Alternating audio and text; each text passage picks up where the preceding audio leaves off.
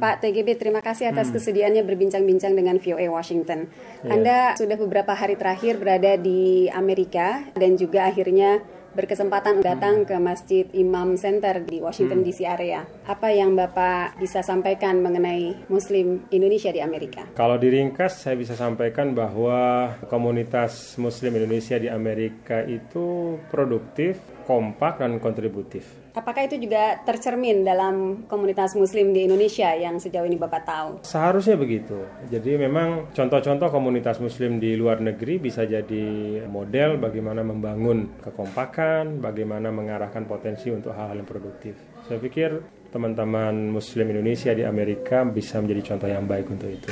Yang juga Bapak sampaikan adalah tentang halal tourism yeah. yang sudah diberlakukan di NTB hmm. dan memang itu menuai kontroversi. Semua pasti ada kontroversi di awal ya, tetapi ketika sudah kita diskusikan ternyata semua satu visi bahwa memang halal tourism ini bukanlah dimaksudkan untuk mematikan pasar konvensional, tetapi ini satu segmen baru yang diciptakan. Jadi ada tambahan segmen. Kenapa? Kenapa? Karena memang ternyata Muslim traveler seluruh dunia itu kan semakin banyak dengan spending yang juga sangat tinggi. Pasar halal tourism dunia itu sekitar 200 miliar dolar satu tahun. Kan sayang Indonesia tidak dapat bagian dari itu. Gitu. Masa Malaysia semua ngambil?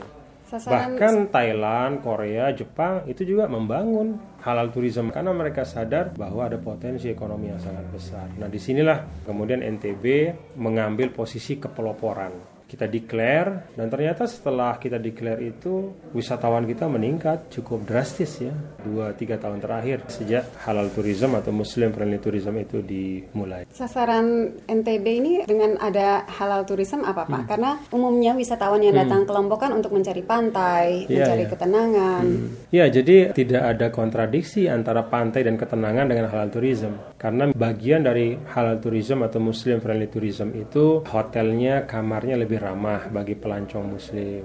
Perlengkapan ibadah cukup, ada mushaf Al-Quran, juga makanannya makanan yang halal.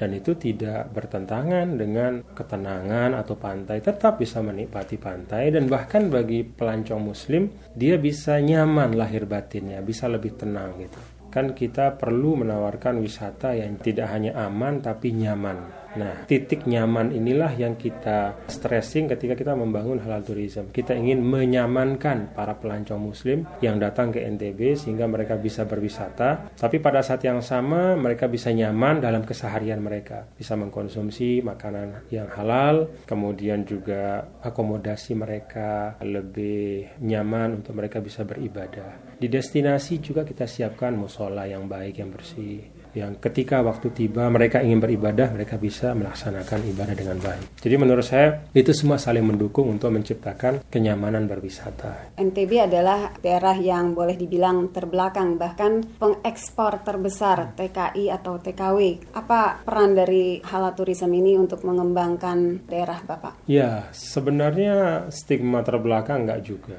Menurut saya tidak kalah dengan provinsi-provinsi lain. Bahkan pertumbuhan ekonomi kita kan konsisten selalu di atas rata-rata nasional dalam tiga tahun terakhir. Nah tentang kontribusi pariwisata halal atau dari pariwisata secara keseluruhan itu memang sangat besar ya di dalam menciptakan aktivitas ekonomi yang komprehensif.